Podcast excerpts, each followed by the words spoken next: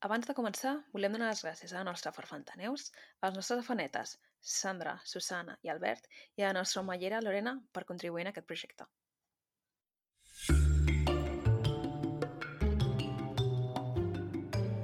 Benvinguts a Malandre Criminal, el podcast on comentem documentals de crims de la manera més cutre possible, perquè no sabem fer-ho millor. Jo sóc la Carla. Jo sóc la Marta. Jo sóc la Clara. Uf, estic morint de calor.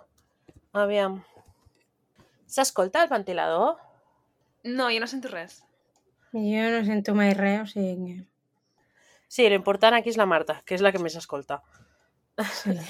Sí, sempre sóc jo la de... Mm, això, mm, a l'altre. Està sonant algo, està sonant algo. sí. Clara, la font. Està un clàssic. Sí. Uh, Yep. Ai. No tens res a explicar? És que clar, És que, clar, anem a explicar-ho, vam gravar ahir. No tenim gaire cosa a explicar-nos d'un dia a l'altre. A més, avui és diumenge, o sigui que jo, per exemple, no he fet res, literalment. ahir, ahir vaig anar a un lloc a dinar que crec que hauríem d'anar-hi juntes. uh, Nice. de què és? A Esparreguera, segur que el coneixes tu, Clara. Uh, No, no faré promo, eh, però és un lloc que està gratis, molt bé. paguin, paguin, Sí, senyores. que em paguin. Tot i que sí que... Una... Això és molt tonto, però una cosa que em vaig fixar és que anàvem per Esparreguera i em anava fixant els noms dels carrers.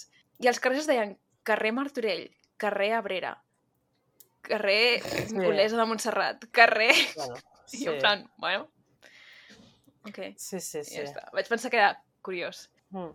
Ah, hi havia l'avinguda dels Jocs Olímpics i després un... que dius, bueno, vale, l'avinguda dels Jocs Olímpics serà que això es va fer al 92. Llavors hi ha una placa que fica avinguda construïda al 94. I dius, bueno, Sí, Bueno. Ok. Cadascú al seu ritme, eh? Vull dir, Esparreguera va a un ritme diferent. sí. És el que hi ha. Clara, ja t'he passat allà. Ja m'has passat allò. A veure. Hmm. No és molt interessant.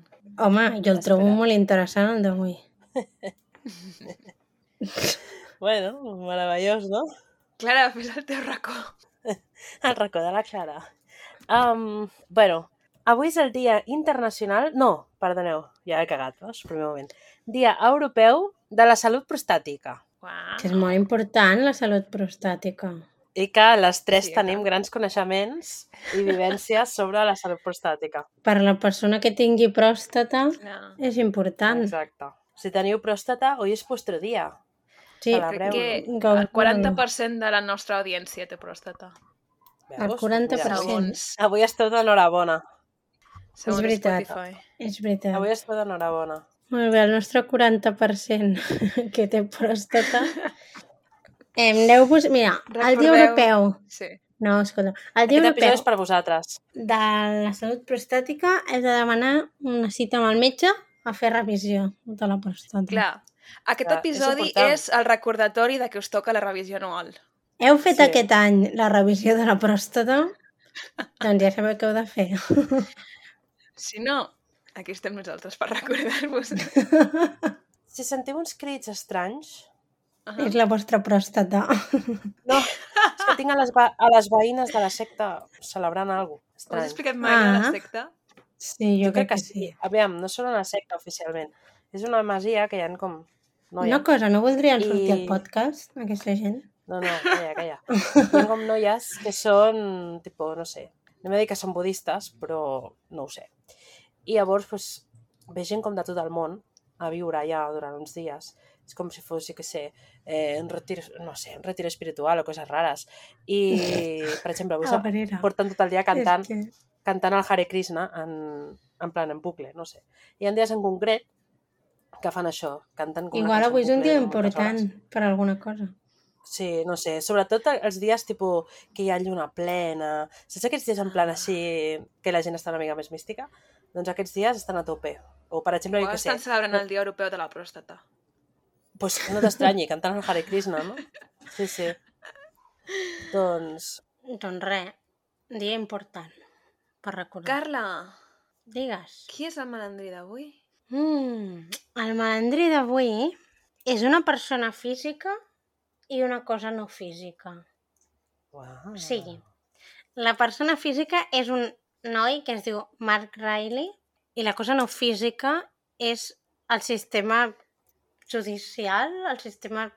moltes, moltes coses. O sigui, en general, el Mark Riley i el, El racisme. racisme. Carla, de quin país parlem? Que l'audiència se, se sorprendrà. Estats Units, òbviament. Estats Units. Han deixat de fregir. I això que no és dels pitjors estats, eh? Mhm. Podria ser Que no, Florida. no hi tornarem a entrar perquè ja ho vam parlar l'altre dia, Sí, però... perquè és que clar, estem gravant desordenat. Oh, L'episodi que vam gravar ahir és l'episodi que va la setmana que ve. Oieu... Val, doncs la setmana que ve ja en parlarem de quins són els pitjors estats. Sí. Ma- Spoiler.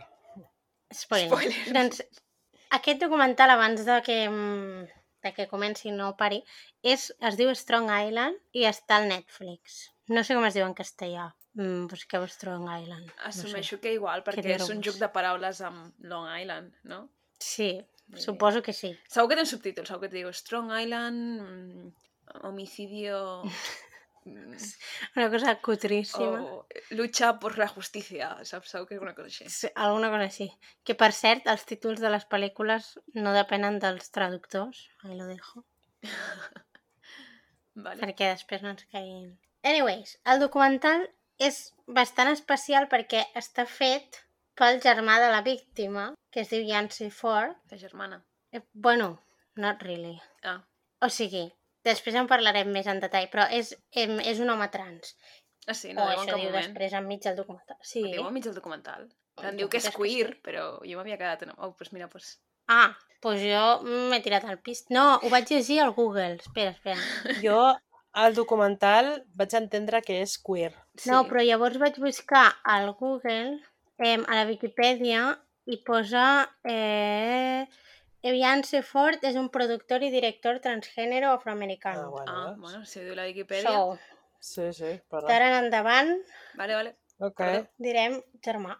Tot i que durant el documental sí que és veritat que és, mm, ella mateixa diu això moltes vegades, però igual ve després, això, També del té, documental. té temps aquest documental, no? Bé, En plan que no és d'aquest any. Per això, que igual Ah. ha sigut després, però bueno, és igual. Uh -huh. Doncs és cineasta i fa aquest documental en què bàsicament apareix la família de la víctima i alguns altres parts importants de, del cas. Doncs, bueno, la víctima es diu William Ford, però Yancy és eh, qui truca al, bueno, truca al fiscal, és al, començament, que és com una mica d'intro, truca al fiscal del cas, li demana en plan què, què va passar, no, no li vol explicar, bueno, hi ha com, dona a entendre que hi ha com aquesta confidencialitat al voltant del cas i tal, que llavors la- l'objectiu del documental, en principi, és saber exactament què va passar, no? Mm. I, i explicar una mica doncs, qui era el William, que, era, que va ser qui, la víctima.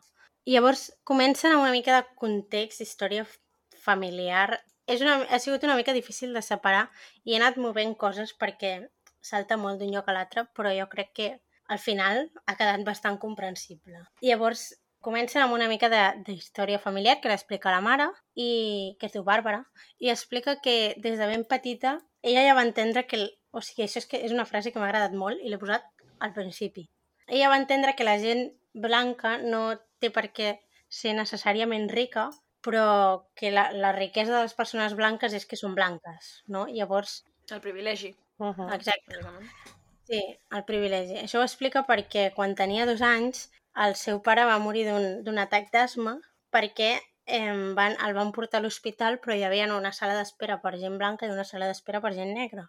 Llavors van atendre tota la gent blanca abans que ell i llavors va morir per un atac d'asma. Que és fort, eh, si t'ho pares a pensar, en plan... Tonteria. No fa tants anys d'això. No, que fa gràcia perquè al, algun cop he vist algun documental que expliquen com posen fotos en blanc i negre per distorsionar la, la, nostra, la nostra noció del temps i que aquestes coses sembla que fa molt de temps i realment fa dos dies. Uau. Mm. Molt també, les fotos eren en blanc i negre, llavors. O sèpia, com a molt. Vull dir... No, en aquest cas no, però hi ha fotos que les posen expressament en blanc i negre, Sí, sí, sí. Mm. saps? Que fort. Mm. No en aquest cas, eh? Però bueno. Mm. Va conèixer el seu marit i es van casar a l'any 65. Això és un salt gran, però ja anem fent. Eren de Carolina del Sud però es van mudar a Nova York, a un apartament de Brooklyn. Al 67 va néixer el William, que va ser el primer fill, i la mare doncs, va passar com els exàmens que havia de passar per semestre i estava, estava com molt contenta pel fet de que ella fos com professora, no? perquè entenia molt bé la importància de l'educació i sobretot eh, en la comunitat afroamericana. I llavors, més endavant, amb el cap d'un temps es va convertir, que això em va semblar com flipant, en eh, directora d'un institut i després va fundar l'escola per a dones de Rikers, la presó, Mm. que em va semblar com bastant im- impressionant. Que guai. Sí. I el pare, això, bueno, és una història una mica estranya perquè no ho he acabat d'entendre, però crec que era conductor de tren, però volia estudiar a la universitat, però bueno, tampoc en parlen gaire, o sigui que ho deixarem, perquè o sigui, sí que va a la universitat i tal, però no, no sé per Que feia moltes hores. Eh? Sí, feia moltes, moltes hores Moltes per, nits i tot. sí, per poder mantenir el, pues, la família, no? Mm. Llavors va néixer el Lance i la, Lau- la Lauren. Llavors van haver de buscar un altre apartament perquè, clar, ja se'ls quedava petit. Imagineu-vos un apartament de Brooklyn, segur que, segur que era un trunyo. Però el pare va decidir que es volia mudar a Long Island, que per això d'aquí ve el joc de paraules de Strong Island, Long Island. Llavors expliquen, una mica de context, que això vaig pensar, mira, a la Marta li agradarà, Mm. que molts funcionaris negres s'estaven mudant a Long Island, però tot i així la, la major part era blanca. Llavors a la Bàrbara no, no li agradava gaire Long Island al principi perquè era com tornar a una comunitat molt segregada, o sigui, era com fer un pas enrere del que havien viscut a. Brooklyn. Diu que, bàsicament, la gent que construïa tots aquests barris nous perquè Mm. es mudessin els conductors de tren, de no sé què, no sé quantos, vull dir que ja estaven segregant-los a propòsit, que no és... O sigui, estaven com construint un gueto dins de Long Island, Sí. On tenien fins i tot les seves Sí. pròpies botigues i que no podien... que era raro. No, suposo que no Mm. és que no poguessin, però que se'ls mirava malament si anaven a una botiga que no fos d'aquell gueto. Sí, però de totes maneres el pare es volia mudar a Long Island perquè explica que amb, el, amb les hores que feia de tren i tal havia vist com tot el que era Nova York i Brooklyn i tot això que estava com molt demacrat, no? que tot eren drogues i tot era tal. I no volia que els seus fills es criessin allà i per això, tot i que mudar-se a Long Island podies, no sé, els hi podia fer sentir com tornar enrere, Mm. en certa manera, doncs que es van mudar igualment perquè volien assegurar assegurar-se de tenir una casa pròpia Clar, per deixar els seus fills. això no ho comenten, però serien els anys 70, això, que és l'època Sí. que Nova York estava... Mm, eh, bueno, estava era, era horrorós, era, és l'època just abans del, del Giuliani, crec que és, que La demacració. hi ha un munt de documentals sobre Nova York als anys 70 com a eh, l'epítome del crim a Estats Units en aquella època, vull dir, Mm. parlem d'altres llocs Clar, ara que imagina't dius... el que deus veure com un Clar. conductor de, de tren. I tal. Ara, com els llocs més demacrats, veus altres llocs, però es veu que als 70 el lloc més demacrat era Nova York. Mm. Mm. I, vull dir, no, no ho toquen en aquest, des d'aquest punt de vista, però ara que ho dius és que hi he caigut. En plan, per això volia marxar el senyor de la ciutat i Long Island. Clar, clar. Al final és com si t'anessis en, en una urbanització, bàsicament. Sí, És com... sí, una mica sí. És Nova York, però està molt apartat. Mm. Realment Mm. és com marxar de Nova York, vull dir. Sí. És com, com Però- si jo dic que visc a Barcelona, saps? Sí. Clar, sí, és com no. I la vida de suburbi és molt, molt blanca, Mm. saps? Mm. La cultura aquesta de... Sí. Sí, és el que t'imagines una mica, no? En aquests barris, aquestes cases. Sí, el que t'imagines i el que realment era, perquè al final No, la classe sí, sí. mitjana Clar. la classe mitjana era d'un color. Clar, són zones residencials que, que bueno, que Mm. es, només es podien permetre, sí, gent de classe mitjana, però clar, la gent de classe mitjana que s'ho pot permetre pues, són un cert perfil, Mm. Sí, Què vol sí, dir? Totalment. Gent blanca. Bàsicament. Però bé, es muden allà, eh, al principi és raro, però mira, al final encara hi segueix, no? Fins al final. El pare va haver de deixar la universitat i posar-se a treballar a torns de nit també perquè els seus fills poguessin eh, estudiar. I la Lauren, que és la filla petita, explica que amb una diferència d'edat de 7 anys, doncs clar, tu imagina't, ella s'ho passava molt bé amb el seu germà perquè era com la més mimada i bueno, això, expliquen quatre coses aquí de, del William, però després ja passen els fets en si. Bueno, també diuen que el seu, el seu millor amic explica que era com molt protector amb les seves germanes i, i bueno, però que en, en general doncs era, com sempre diem, doncs bastant normal i bastant bona gent, no sé. En general, bueno, és el que diuen la seva família, clar. I res, llavors passem al que són els fets en si, però que després haurem de tornar-hi, perquè eh, al final es descobreix més coses del que va passar. Però bueno, això és en principi el que expliquen al començament del documental. Quan van matar el William, ell vivia a casa amb els seus pares. I era un cap de setmana i la Lauren havia sortit amb el William i la seva nòvia, que es diu Leslin, crec, per jugar a bitlles. Però res, no sé, normal, quan surts del cap de setmana. I quan tornaven de jugar a bitlles, una camioneta eh, va xocar contra ells. Mm. La camioneta estava com, suposo que hauria estar com rotulada perquè van veure que era com d'un taller mecànic. I el, el de la camioneta, que era, un, que era un noi blanc, va prometre que si no feien com informe ni avisaven a la policia ni res, doncs els hi repararia el cotxe. Però bueno, es queda així el tema. Mhm. De totes maneres, el Kevin, que és l'amic del William, que no estava amb ells aquell dia, però no sé, els hauria conèixer o alguna cosa, els va dir que, que no li semblava bona gent i que no, que no li semblava com molt bona idea, que és un noi que tota l'estona està dient és que a mi no em semblava bona idea, no em semblava bona gent, sempre estava com... Que no se'n fiava. no li donava bona espina a tot el tema.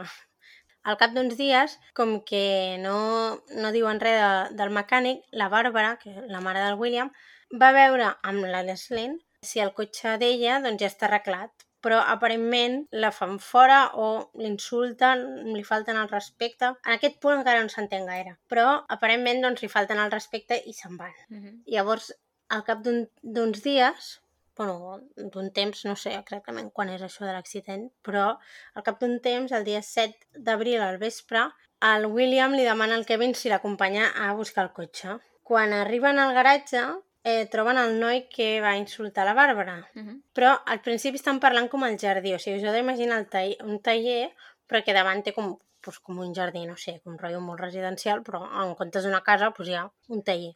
Primer comença a parlar al jardí amb no sé qui i després veuen que està, que està aquest noi que va insultar a la mare del William. I llavors, clar, eh, el William doncs, mm, es posa una mica nerviós i el que veu el Kevin és que durant un moment se'n van cap a dins, els dos, el noi que va insultar la mare del William i el William. Se'n van com cap a dins i al cap d'un moment sent un tret. Mm, mal rotllo. Mal rotllo. Se masca la tragèdia. Exacte. I llavors expliquen, eh, la pistola amb què disparen al William és una que li diuen una 22, que jo no entenc de què va això, però aparentment és un rifle que es fa servir per caçar conills. O sigui Vale. que no era com una pistola, no sé com dir-te, en plan, No, que era un rifle. el que entenem per pistola, sí, era un rifle. Llavors, clar, el Kevin com que se n'en fot una mica quan el veu, perquè li diu, vinga, va, o sigui que, que jo què sé, que és com, no sé, com si li estigués dient que t'han disparat com amb una pistola de valent, saps? O sigui, aixeca't i no sé què, li està fent com una mica de, de broma dient, home, com t'han d'haver fet mal amb aquesta arma de merda? Que dius, bueno, és un rifle, però... Ok. I llavors, ja sé que ara és una mica difícil d'entendre, però després s'entendrà millor. Eh, llavors arriba la policia, perquè s'han enterat del que ha passat, i fan fora el Kevin. O sigui, ell no veu el, el William morir ni res. Ell veu que estava allà estirat, però no veu, tampoc veu sang ni veu res. Només ha sentit que plan, li han fotut un tret i ja està. I llavors el Kevin li diu, mmm, vinga, no sé què, aixeca't tal, però és això, ell no el veu morir. Mhm. Llavors arriba la policia i l'agafen i el fan fora. I jo suposo que no el deuen fer fora doncs, com molt amablement, perquè poder és la policia, saps? I llavors la policia surt del taller amb aquest noi blanc, però no el porten exposat ni res. I el Kevin explica que el posen com en una limusina. Això és molt estrany, això no ho he acabat Sí. d'entendre. Jo no, ho no ho he entès i no ho expliquen, però és com que se l'emporten en limusina. D'on ha sortit la limusina? D'on ha sortit? Això m'agradaria saber a mi. En limusina policial, t'imagines? És que... Que amb lo friquis que són no m'estranyaria. Bueno, jo què sé. És algo estrany, lo de la limusina. Vull dir, no és un cotxe, no Oi? és un furgó, és una limusina. En plan, what? Sí, de fu. Clar, jo vull dir que com a mode de pel·lícula està guai, però en plan no s'entén, saps? En la vida Però real. un, un xaval que treballa en un taller en una zona residencial de Long Island, qui polles l'ha de recollir amb mu- limusina? En plan, qui envia una limusina a recollir-lo encara que no fos de la policia? No, no, Ja, no ja. sé. no Aquesta part no s'entén, però la cosa és que el treuen sense exposar ni res i el fiquen en una limusina i se l'emporten. Vale. Llavors, clar, el Kevin veu que va passant el temps però que no arriba cap ambulància. O sigui, on, on està l'ambulància? I llavors, clar, comença a parlar amb, la policia, no? Intenta dir una, per què no trucar una ambulància, què està passant, tal, tal. I llavors l'amenacen que si es mou, o sigui, si, com, si comença a donar per sac, bàsicament, que se l'emporten a la comissaria. És llavors que la policia els hi diu, li diu amb ell, deixa-lo estar perquè és que igualment ja està mort. És com... Mm. Sí. vale. No sé quina reacció tenia això. Que tenen zero interès en, en mirar si Sí. està bé o no. Igualment truques a una ambulància, igual hi ha alguna cosa. Clar, clar, és que encara, no, encara que estigui mort, vull dir, no? És que se suposa que quan arriba la policia no està mort encara, perquè l'amic l'ha vist sí, sí. viu. Clar. Moribundo, I, però sí, viu. I quan l'han tret, el, el William estava viu. Mm. Ella en aquell moment no sap que s'havia mort. I per això estava demanant per l'ambulància. Mm. Però, mira, coses que passen. Detalls. Llavors, sí, detalls sin importància. Llavors el Kevin truca a la Bàrbara i li diu, li diu el Mark Riley ha disparat al William. Llavors la, la Bàrbara arriba, però els policies no volen parlar amb ella ni tenen com cap interès per explicar-li el que ha passat. Eh, I jo suposo que se la deuen intentar eh, Treure de sobre. treure de sobre, sí, exacte. Llavors cap a la, cap a la una de la matinada, clar, no ho expliquen, però suposo que deu haver-hi com molt de caos, dir, el que comporta que algú el, disparin, clar, suposo. Llavors cap a la una de la matinada arriben a casa, arriba a casa el pare, i la Bàrbara li explica que pues, que el William s'ha mort, bueno, que l'han matat.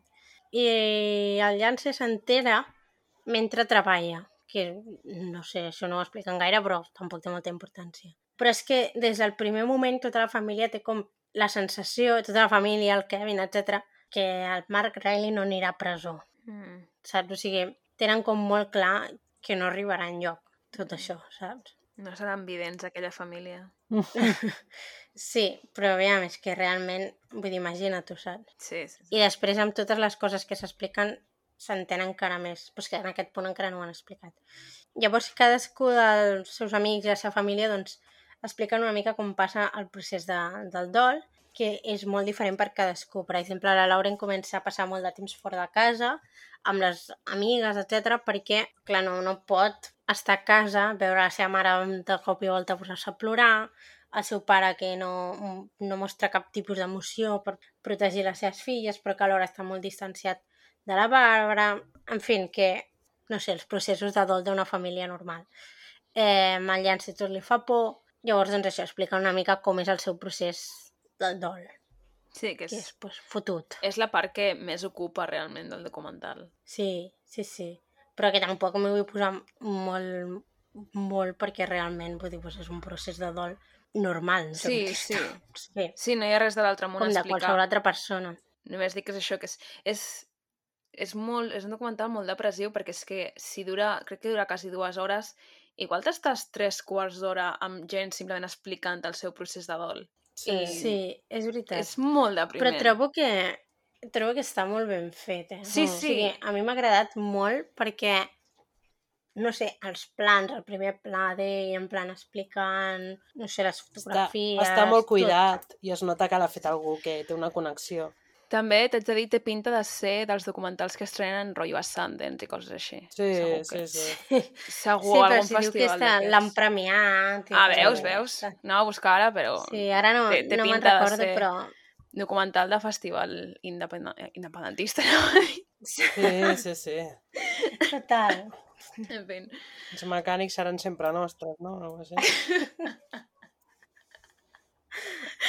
Sí, bueno, realment és com molt intimista i molt... No sé, es nota que està fet amb molt de carinyo. O sigui, el documental és molt bo. Mm. És per posar-te a plorar i no parar. Però Mm. realment és molt bon documental.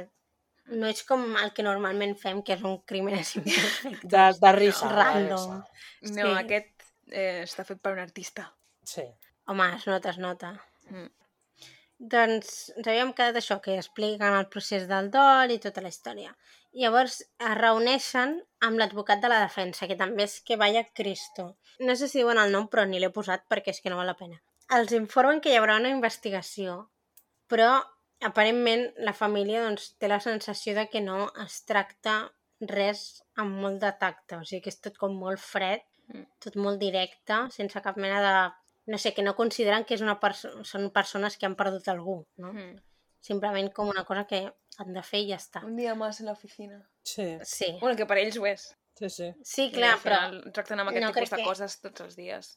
ja, però, I- bueno, aparentment, en aquest cas, doncs, la família sent que no, Mm. que no se'ls tracta correctament, no? Sí, sí, només dic que sent que tracten amb aquest tipus de coses tots els dies, crec que és plan, com a mecanisme propi d'autodefensa sí, és sí. fàcil de, com desentendre tot això, saps? Desempatitzar una Sí. mica, perquè té que ser molt dur, Imagina't si no. que t'afecta en tots els casos. Clar. És que...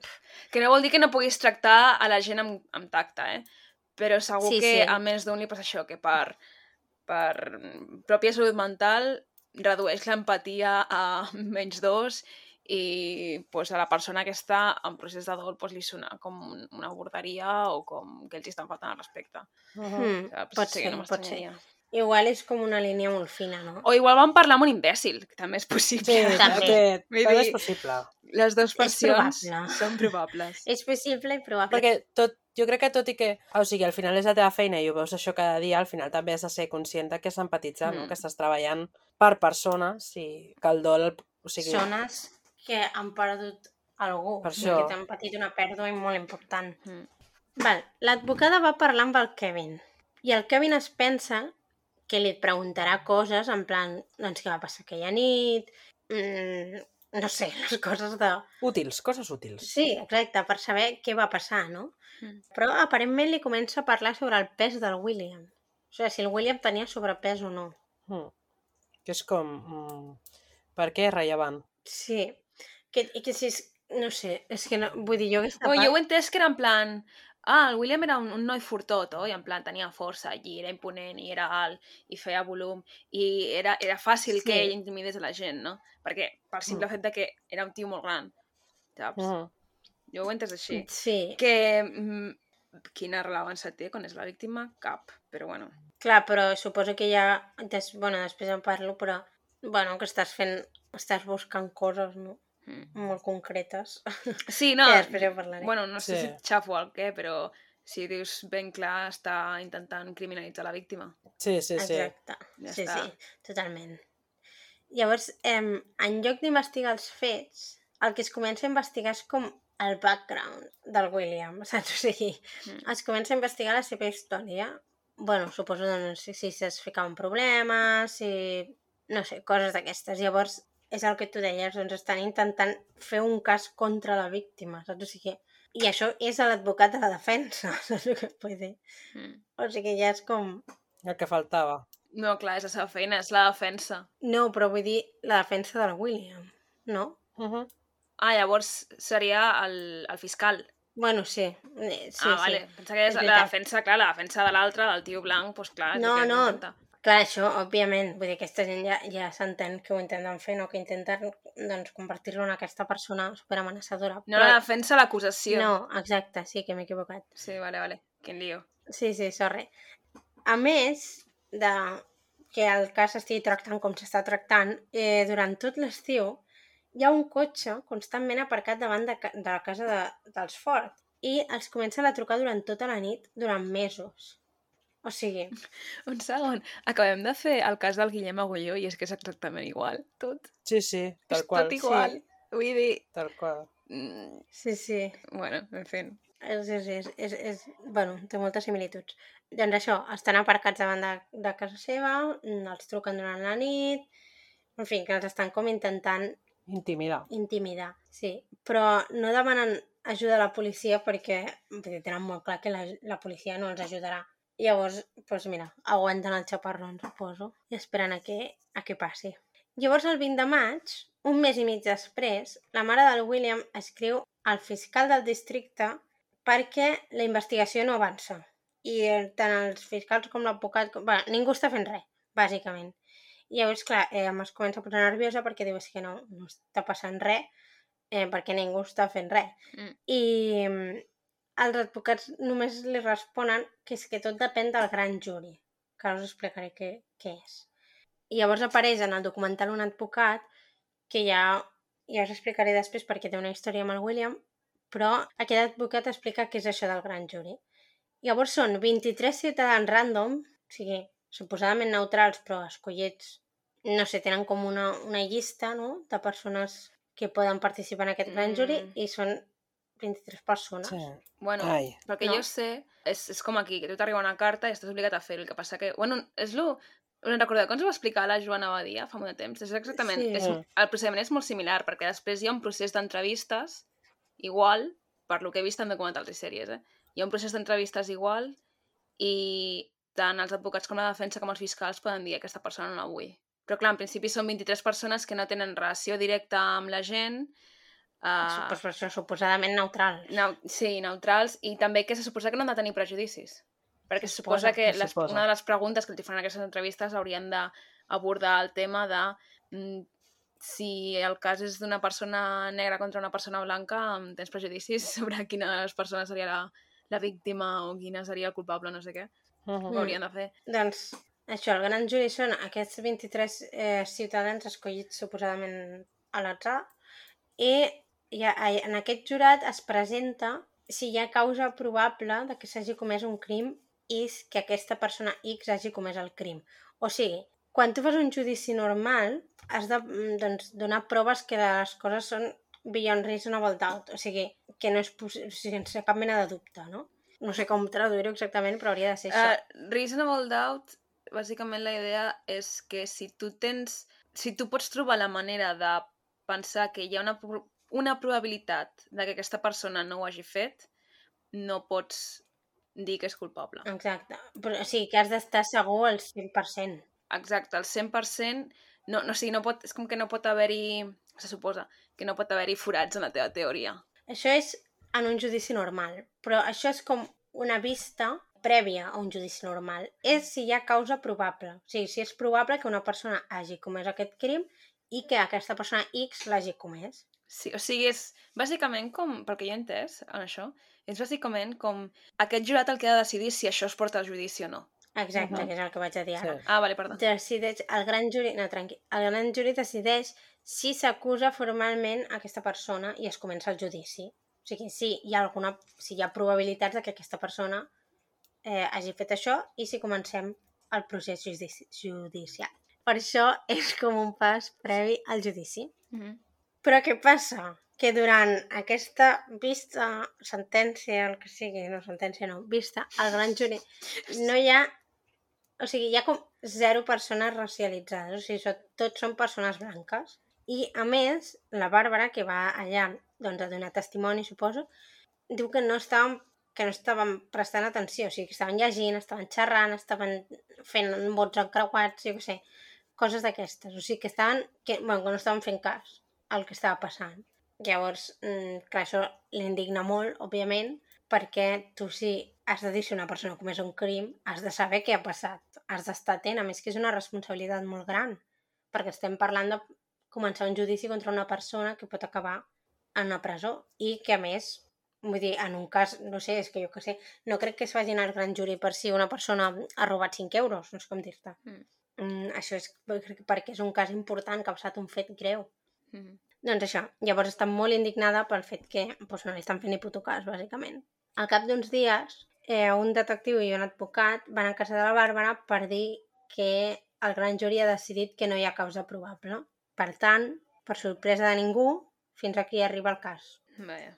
No, que fort. Vull dir, el cas no arriba ni a judici. Vale. O sigui que ja... És que... És que no saps ni què dir, perquè és que realment, vull dir, encara que, encara que tu creguis que aquesta persona pot mm, no ser culpable d'això, vull dir, és evident que hi ha un cos, que hi ha hagut un tret, que hi ha hagut l'única persona que estava a l'habitació amb aquella persona, vull dir, és evident que causa probable hi ha. Sí, Que després- potser s'hauria de mirar. Que després aquesta persona tu puguis dir que ha sigut mm, una cosa o una altra o defensa pròpia o el que sigui, ja és un altre tema, Sí. no? Sí. Però que a judici almenys hauria d'anar, perquè és que al final tens una persona morta sobre la taula. Mm. Què fem amb aquesta persona morta, clar? Pues no res, enviar-la cap a casa. Sí. Enviar-la a l'hoyo, bàsicament. Llavors això no té gaire a veure amb el cas en si, però bueno, una mica sí. I és que un any després el pare pateix un ictus eh, i es queda en cadira de rodes. Llavors, la Laura estava intentant formar-se per ser policia, passa tot això, però ha de tornar a casa, doncs, donada la situació i el que passa, doncs suposo que per ajudar a cuidar el pare, que fa molta pena Mm. aquest tros, Sí. la veritat, Mm. perquè estan com en una graduació o alguna cosa i el pare es vol posar de peu, bueno, és com una mica molt trist aquest tros, la veritat. Sí. Mm. Llavors, clar, aviam, realment el cas ja ha acabat aquí, eh? Vull dir, o sigui, no té més. Però, si us en recordeu, us he dit lo de la història del, de l'advocat, que és aquest que apareix i explica què és un gran juri i com, bueno, com es decideix i tot això. I és que m'ha fet molta gràcia i l'havia de posar. Bueno, gràcia, no fa gràcia, però ja m'ha- ja m'has entès. Un dia estava caminant pel carrer, tranquil·lament, aquest senyor, i de cop i volta algú l'apunta amb una pistola i l'atraca. Que fort. És que, clar, dius, mm, en què moment? Però, bueno, què passa? No sé per què exactament aquesta persona mm, et dispara i se'n va. Llavors aquest home, mm, que estava tranquil·lament fent la seva vida, gairebé es mor, però finalment aconsegueix trobar algú que l'ajuda i eh, no es mor. Però quan ja l'estan traslladant a l'hospital, dos nois que ho havien vist tot, on ella estava, li pregunten que, clar, no, no troben on s'havia ficat, no havien trobat on s'havia ficat perquè s'havien anat a perseguir el que l'havia disparat i l'havien atrapat. Que grans. Sí, sí. Sí. Un d'aquests dos nois, que això ja, vull dir que estava a punt de plorar, era el William. Mm. I clar, va ser el William qui va atrapar aquesta persona i després va donar el seu testimoni que va ser clau doncs, per posar aquesta persona a la presó. Mm. Que a més és com un moment superèpic perquè, clar, tu no saps d'on surt aquest advocat en tot el documental, va explicant coses, però ni idea.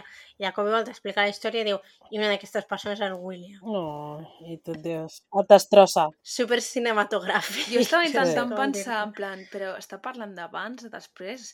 Uh, eres l'advocat de la família i els amics de l'altre van intentar matar-lo? Qui és aquest senyor? Sí, no, no en tenia. I des d'aquell moment, el William decideix que vol ser com policia i intenta, intenta doncs això, entrar a l'acadèmia de policies. Que és també tota una història, perquè aparentment després, més tard, la, bueno, el Jan se descobreix que havia estat com tot un mes deixant de menjar per poder perdre pes perquè l'acceptessin a l'acadèmia de policia i quan l'accepten, llavors és quan li passa tot això. Mm. Bueno, que és mort, vull dir. Sí, els hi arriba la Pobra. carta que l'han acceptat com un parell de setmanes o tres després, no? Sí. De que Sí. hagi mort. I que no era la primera vegada que ho intentava, saps? O sigui, que havia portat molt de temps intentant ser policia i just quan li donen la carta de que l'accepten és quan, Quan es mor. quan el maten. Que ell no ho va saber mai, vaja. Mm, no va Sí, és que no és tristíssim. sí, Sí. la veritat. En També és fi. trist que volgués ser poli, però bueno, Bueno, sí. Però jo què sé, igual mm, ser policia negra és diferent. En plan, que igual, bueno. Mm, No sé. no sé, però Deixa'm igual tens com un altre tipus de sentit de justícia, no sé. Deixa'm dubtar-ho. Ja. La intenció és el que compta. Sí, la cosa és que el pobre pues, havia intentat entrar i, i mira, i quan aconsegueix, Plaga. plaga. al final, al, cap al final del documental, pues, hi ha... bueno, tot el documental és reflexions eh, de la Bàrbara, de tota la família i tal, però bueno, hi ha algunes interessants i és que la Bàrbara explica que ella els va criar perquè els seus fills veiessin la personalitat d'una persona i no veiessin el seu color de pell, en el sentit de que, òbviament, tenen ulls, però Mhm. que no els importés el seu color de pell. I diu que realment se'n penedeix molt d'això perquè igual si ella no l'hagués criat així, eh, potser hauria vist que aquesta persona blanca era perillosa, no? No sé, però realment és com una reflexió interessant, si ho penses, Mm. eh? Mm. perquè és com, potser com s'hauria de criar tothom, no? Però no tothom... No sé, fins i tot nosaltres tenim el privilegi de no haver de pensar-hi gaire, saps? Mm. Ja. Però bueno. I també una altra reflexió de Llance és que se sent culpable perquè un mes abans de la seva mort havia tingut una confrontació en aquest, en aquest taller amb una altra vegada doncs, amb el noi aquest blanc, o sigui, una altra vegada no, abans van tenir com una altra confrontació i en comptes de dir-li eh, vigila, tal, no sé què, doncs ell com que l'havia animat perquè era com mira que guai és el meu germà, no? En plan, o sigui, no sé com explicar-ho gaire bé, però això, que en comptes de dir-li hòstia, no et fiquis en, en merders, els havia dit, hòstia, sí. que guapo, saps? O sigui, Sí. Val, doncs el que passa és que aquesta conversa, o sigui, aquesta trucada, Jan se li senta com d'una manera diferent perquè era just quan s'havia mudat i havia començat a ser com una mica ell mateix i per un moment li va donar la sensació, tot i no haver-li explicat mai, que el William estava parlant com amb el seu jo de veritat, real. I bueno, que per això es va convenir una mica arriba, no? En plan, amb això de, de, de la baralla i tal. Ara aquí, què passa? Que al final del documental aconsegueix posar-se en contacte amb el detectiu James Hughes, que no diu qui és, però suposo que deu ser algú que portava el cas. Sí, sí, ho diu al principi del documental, que el James Hughes era el detectiu Ah. principal de la investigació. Ah, sí, és veritat. bueno, és veritat. Doncs això, el detectiu que portava el cas. Finalment es posa en contacte amb ell, eh, arriba doncs, a trucar-lo per telèfon i li diu que simplement doncs, mm, el gran jury havia decidit que no hi havia causa probable i que estava justificat perquè havia sigut per defensa pròpia, perquè consideraven que els incidents que havia hagut abans doncs, justificaven que el Marc doncs, tingués por i actués en defensa pròpia. El detectiu, ai, el, el James Hughes, i el detectiu diu que li donarà els informes del cas i que ja es posarà en contacte amb ell. I llavors, al cap d'una setmana o així, el torna a trucar i explica tota la història segons els informes. I també hi ha com algunes coses que va dient el Kevin com de més a més. Després de l'accident, la Leslie, la nòvia del William, i la seva mare van al garatge perquè ja feia dies que no sabien res del cotxe. Això ja és com el que havíem explicat abans. Al Marc li va faltar el respecte a la Bàrbara i el William es va enterar. Quan el William es va enterar, van al garatge, que això és el dia del primer incident, i estava com molt emprenyat, perquè pues, havien faltat el respecte a sa mare. Llavors va agafar la porta d'un cotxe, però mm, no sé, si no sé si ho he entès gaire bé, però aparentment, no sé, li diu que aquella porta que no la toqui i pues, la torna a deixar, la porta del Perquè cotxe. està en un taller Però i és- ha una porta random, Sí, desenganxada del cotxe. Sí, sí. Llavors agafa la porta, en plan, com, no sé, per llançar-la, suposo, però li diuen, no, no, aquesta porta no. Llavors agafa una aspiradora i llavors la llença i la trenca, com de ràbia. Eh, I finalment agafa un martell, però no, fa, o sigui, no fa res amb el martell, simplement el té a la mà, suposo que per intimidar Mm. pues, el Marc. Però realment el Kevin diu que no fa res amb el martell, que simplement el té a la mà. Que dius, bueno, aviam, ja és una mica problemàtic, però Sí. Vale. I llavors el Marc clar, es va cagar de por i la resta de gent del taller és com que s'estaven rient de, del Marc. I clar, vosaltres en plan, sabeu el que és l'ego d'un home ferit. I llavors què passa?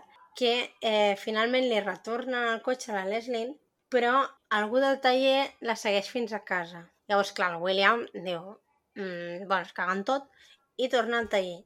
Llavors li diu, li diu al propietari que l'han acceptat... Bueno, sí que ho sabia, el de l'acadèmia de policia, eh? Mm? Sí que ho va arribar a saber, perquè aquí el Kevin diu que el William torna al taller i li diu al propietari que l'han acceptat a l'acadèmia de policia i que els hi tancarà el xiringuito, perquè aparentment s'havia enterat que en aquell taller el que feien era pagar a xavals perquè anessin i robessin cotxes i llavors els desmuntaven els cotxes i doncs, venien les peces o coses així. I llavors eh, el William li diu això, que els hi tancarà el xiringuito. I llavors el, el Marc surt i li diu vine, vine un moment, no sé què. I és quan entra cap a dins i llavors és quan el mata. Mm. O sigui, la conclusió és que tot el cas amb el gran jury es va muntar al voltant de que el Marc tenia por i que va actuar en defensa pròpia. De totes maneres, eh, a l'informe no hi ha cap mena de prova de que el William estigués a prop del Marc quan el va disparar. Mm. Llavors, clar, o sigui, no, en el sentit de que no pot ser que l'estigués atacant quan el va disparar. I el Kevin també explica que no entén, o sigui, què és el que li podia fer tanta por quan realment estava tot el taller ple de... Hi havia com 10 o 15 persones en aquell taller, que si el William hagués intentat fer alguna cosa, o sigui, si hagués intentat pagar o tal, doncs que l'haurien defensat. Uh -huh. Mm. sí, sí. Llavors que no, no, era, no era possible que... O sigui, por de què, saps? sí, no té sentit. I això, que bàsicament doncs, tot, el, tot el cas de que no hi ha causa probable es basa en que va actuar en defensa pròpia perquè tenia por, Por... cosa que es desmunta fàcilment. I fins aquí el documental. Us heu quedat impactada? És que... És que què hem de dir d'això? És la mateixa merda de sempre. És que jo, Sí. jo crec que ho hem dit 30 milions de vegades. Són coses que indignen, És que foten molta ràbia.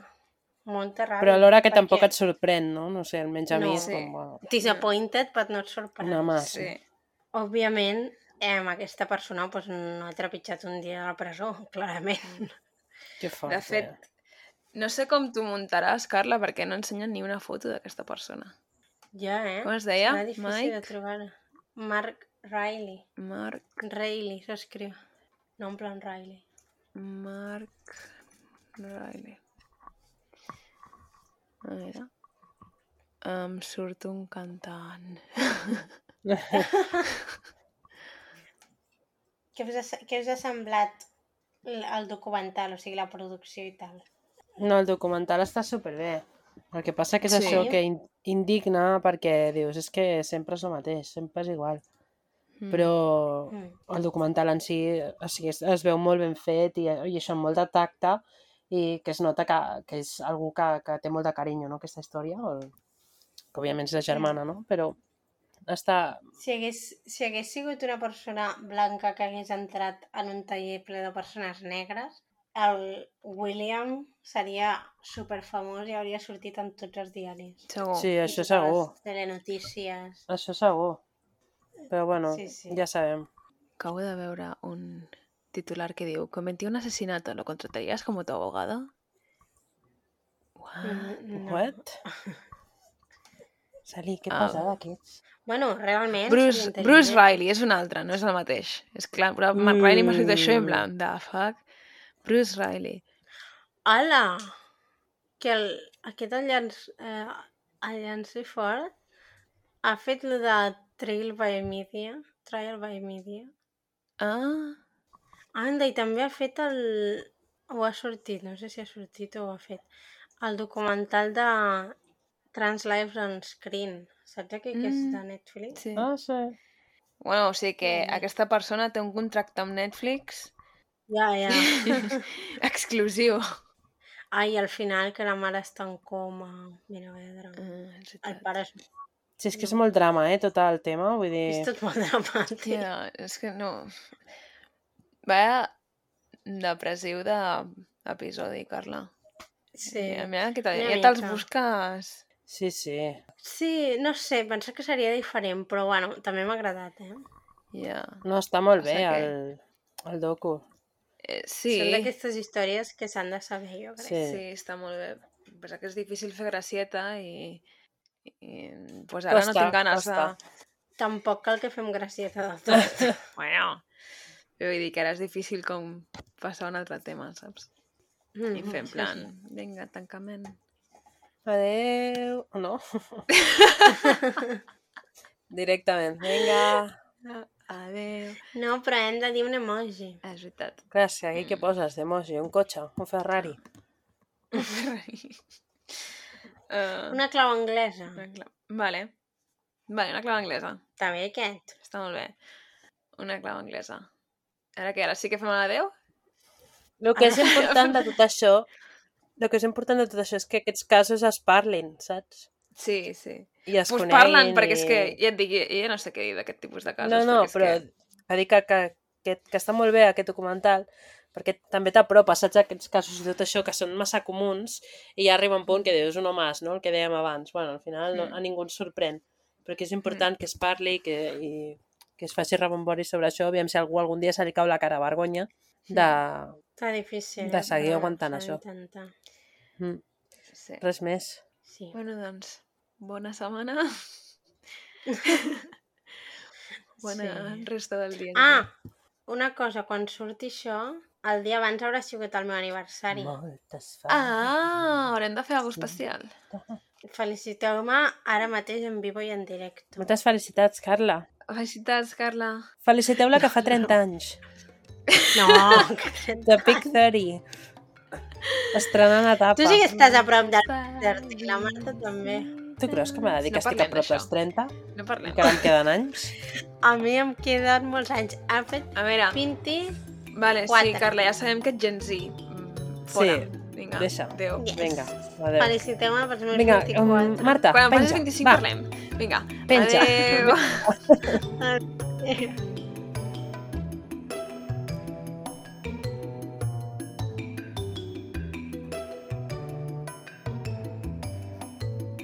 Fins aquí el programa d'avui. Si us ha agradat i us heu entretingut, podeu subscriure-us. Ens trobareu a Spotify, Apple Podcast, Google Podcast, iVoox i altres plataformes. Si voleu contingut extra, us podeu fer mecenes o fer una aportació a malandrí.aixeta.cat. També ens podeu trobar a Twitter i a Instagram. Gràcies per escoltar-nos. Adéu. Adeu.